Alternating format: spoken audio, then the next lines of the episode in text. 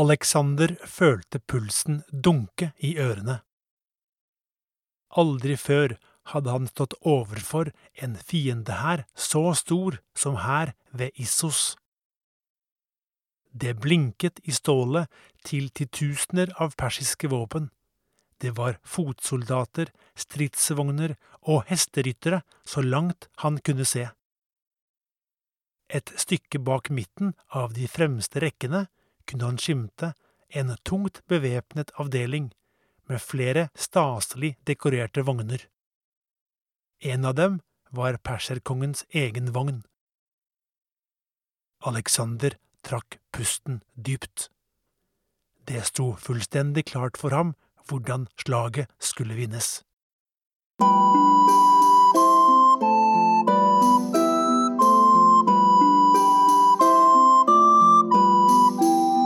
Velkommen til Helter og legender fra antikken, en podkast for unge.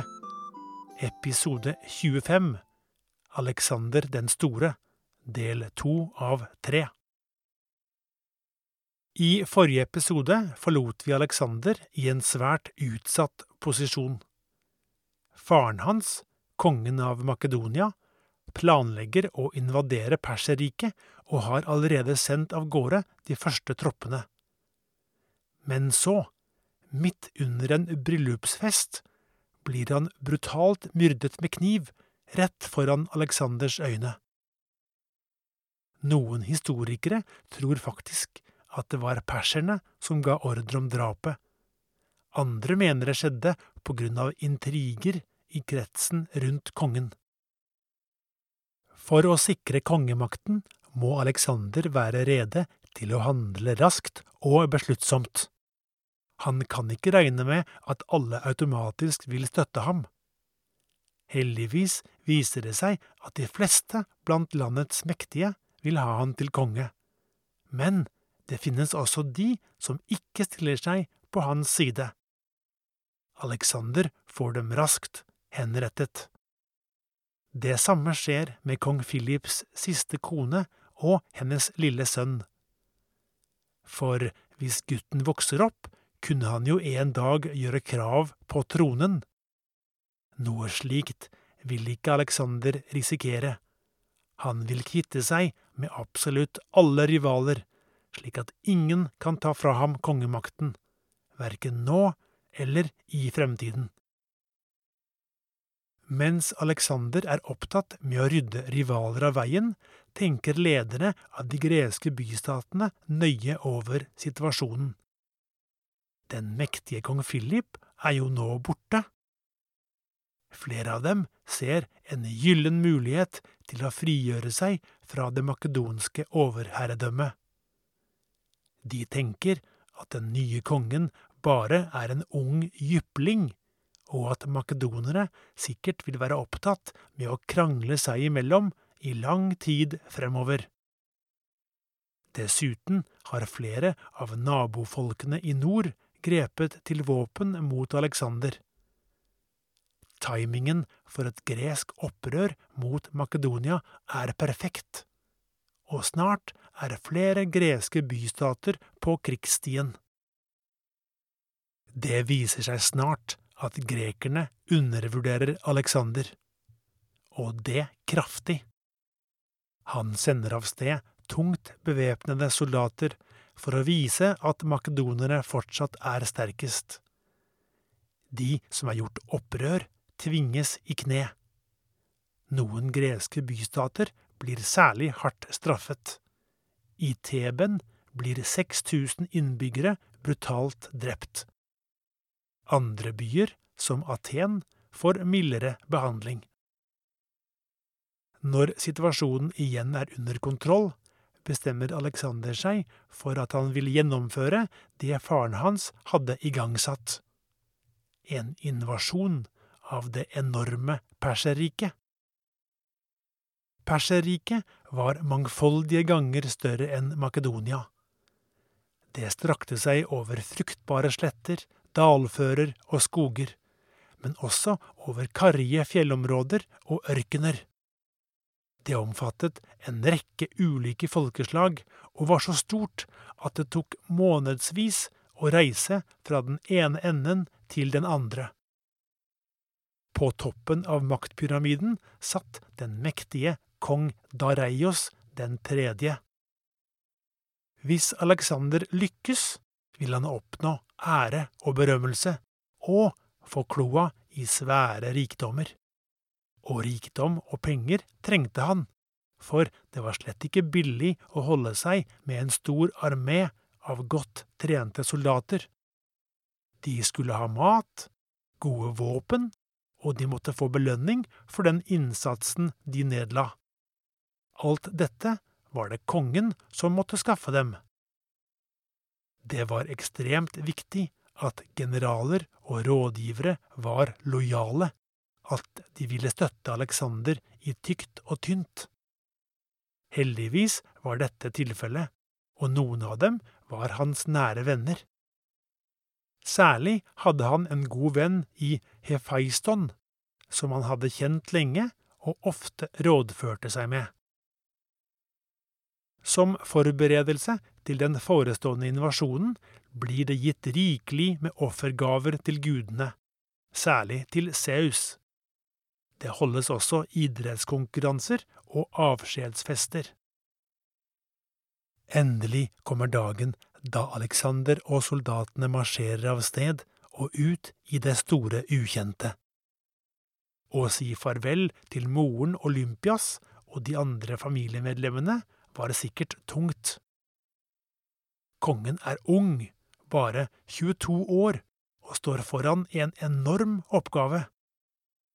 Han aner neppe at han aldri skal vende tilbake til sitt hjemland. Kanskje ser han for seg en ærefull tilbakekomst etter et par år med erobringer og samling av rikdom? Slik skulle det ikke gå.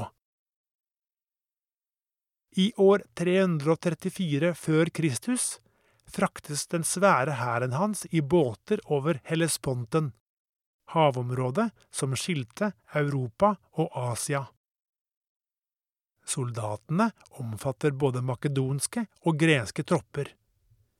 Med seg har han også vitenskapsmenn, en filosof, en historiker og folk som har i oppgave å sende nyheter hjem til Makedonia.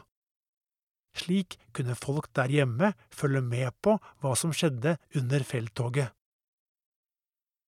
Alexander vet at perserne ikke venter rett på den andre siden, men litt lenger sør. Når de kommer over, er det derfor fortsatt tid til å forberede seg. Alt i alt omfatter styrkene hans nå omtrent 48 000 soldater, et veldig høyt tall. Alexander foretar en stopp ved ruinene av Troja og legger ned en krans der hvor man mente at Akilles var begravet. Det er sikkert en stor inspirasjon å besøke området hvor krigerhelten en gang hadde kjempet så tappert. De fortsetter så marsjen mot perserne. Alexander bestemmer at ikke hele hæren skal settes inn i det første slaget, men bare ca 18 000 soldater. Fienden venter dem ved elva Granikos. Der står 40 000 persiske soldater klare til kamp. Det er viktig å være klar over at mange av disse ikke var av persisk herkomst. Mange var til og med gresktalende og vervet fra Hellas. Som vi husker, var det ganske mange grekere som hadde lite til overs for makedonerne. Når Aleksanders armé når fram til elva, blir de møtt av en skur av piler og spyd. En av generalene hans foreslår at de bør vente med angrepet til dagen etter. Men Alexander er utålmodig og vil angripe med en gang. De to hærene tar oppstilling på hver sin side av elva og betrakter hverandre i taushet. Så begynner kampen. Alexander sender først av sted en gruppe hesteryttere for å skape uro i de persiske rekkene. Her er det på sin plass å si noe om hvordan Alexander ledet troppene sine i strid. Han var nemlig ikke en type hærfører som på trygg avstand dirigerte troppene hit og dit ved hjelp av budbringere til sine generaler. Nei, Alexander foretrakk å være så nær kamphandlingene som mulig. Men ikke bare det. Han deltok direkte i krigføringen og sloss mann mot mann. I slaget ved Granikos leder Alexander en gruppe hesteryttere som angriper fienden på den ene siden. De er nære på at han ikke blir drept allerede her. Perserne har bestemt seg for å rydde ham av veien så fort de greier, og kongen er lett gjenkjennelig med sin praktfulle rustning og hjelm med hvit fjærbusk. I kampens hete stormer plutselig en fiendtlig soldat mot ham med sverdet klart til hogg. Det står om tideler før Alexander får sverdet i skallen. I siste øyeblikk kommer Kleitos, en av de makedonske kameratkrigerne, til unnsetning. Han hogger av armen som holder sverdet, og berger kongens liv. Kampen raser videre, men snart viser det seg at de makedonske styrkene har overtaket. De hogger og stikker ned fienden. Slagmarken farges rød av blod. Til slutt er det klart for alle. Aleksanders seier er total. Tusener av persiske soldater og greske leiesoldater er drept. Alexander kan feire at det første slaget er vunnet, men han vet at perserne rår over titusener av nye soldater.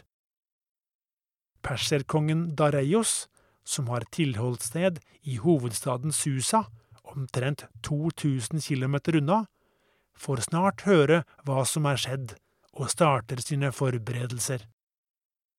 Ennå er han kanskje ikke så veldig urolig.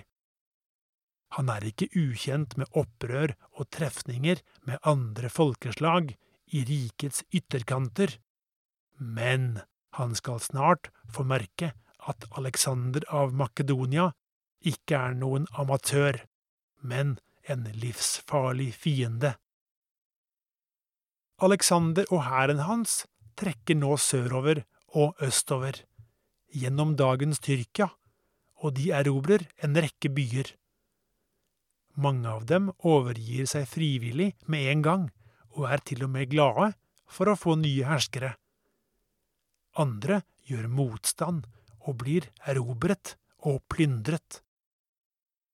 Plyndring var viktig for å få nok mat og utstyr i fiendtlige områder. En så stor mengde menn trengte mat og drikke i uhorvelige mengder hver eneste dag. De kunne frakte med seg en del forsyninger i vogner og på hester, men hvis felttoget ble langvarig, måtte de skaffe seg det de trengte underveis. Hvis de hadde penger, kunne de kjøpe korn, kjøtt eller andre varer de behøvde i landsbyer og i byer som de kom forbi. Men i antikken var det ikke uvanlig at en hær simpelthen tok seg til rette de plyndret. For bønder og landsbyboere kunne det være en skremmende opplevelse å plutselig få besøk av tusenvis av fremmede soldater. Du måtte være forberedt på at de tok all maten du hadde, og at de slaktet og spiste husdyra dine. Over ett år er nå gått siden slaget ved Granikos. Alexander kommer stadig lenger øst. Perserkongen har i mellomtiden samlet en svær styrke som settes i bevegelse mot de fremrykkende makedonerne. Men det går langsomt med perserne. I tillegg til soldater og hesteryttere er det vogner fylt med våpen, reservedeler, telt, mat, kjøkkenutstyr, men også det kongelige skattkammer og den kongelige familien er med på lasset. Etter mange uker nærmer de to hærene seg hverandre ved en stor slette som kalles Issos. Dette er første gang at de to kongene står direkte overfor hverandre. Perserne har mange flere soldater enn invasjonshæren, kanskje over dobbelt så mange. Det ser stygt ut for Alexander. Men han har et par triks på lager. Ekstrem hurtighet og overraskelse, pluss en legendarisk dristighet. Når fienden er innen pileavstand, gir Alexander ordre om å angripe. Med kongen selv i spissen setter de makedonske hesterytterne full fart mot den høyre delen av den persiske styrken. Etter å raskt overrumple de persiske bueskyttere setter Alexander kurs rett mot midten av fiendehæren, rett mot der hvor perserkongen selv befinner seg. Hvis han greier å drepe eller fange kong Dareios, vil seieren være innenfor rekkevidde. Alexander og hans ryttere når nesten helt fram, men perserkongen forstår hva som skjer, får snudd stridsvogna si og setter på flukt. I tumultene som følger, blir Alexander såret i låret, og andre deler av styrkene hans settes under kraftige persiske angrep. Det kjempes innbitt på alle hold. Likevel, med Dareios på vill flukt og heftige makedonske støt framover, oppstår det kaos i de persiske styrkene. Etter kort tid er utfallet klart. Det blir ny, stor seier for Alexander. Selv er han opptatt med å jage etter perserkongen, som har kastet fra seg skjoldet og buen og byttet ut stridsvogna med en hest for å komme seg raskere unna. Men eh, etter hvert blir det mørkt, så jakten på ham må oppgis. Likevel klarer Alexander og hans menn å erobre persernes leir og kongens eget telt. De finner mange penger og klarer til og med å fange flere medlemmer av den persiske kongefamilien. En kan spørre hvordan perserne greide å tape dette viktige slaget. De var jo i stort flertall. Vi så at Alexander var rask og snarrådig, men nok en grunn var at den persiske hæren brukte utstyr som var ansett som gammeldags, som stridsvogner trukket av hester. Makedonere var også mer aggressive og nølte ikke med å gå i nærkamp mann mot mann. Det at kong Dareios rømte fra slagmarken, må også ha betydd noe, for det er jo ikke særlig motiverende å slåss når lederen din stikker halen mellom beina og forsvinner. Seieren ved Issos var svært viktig for Alexander.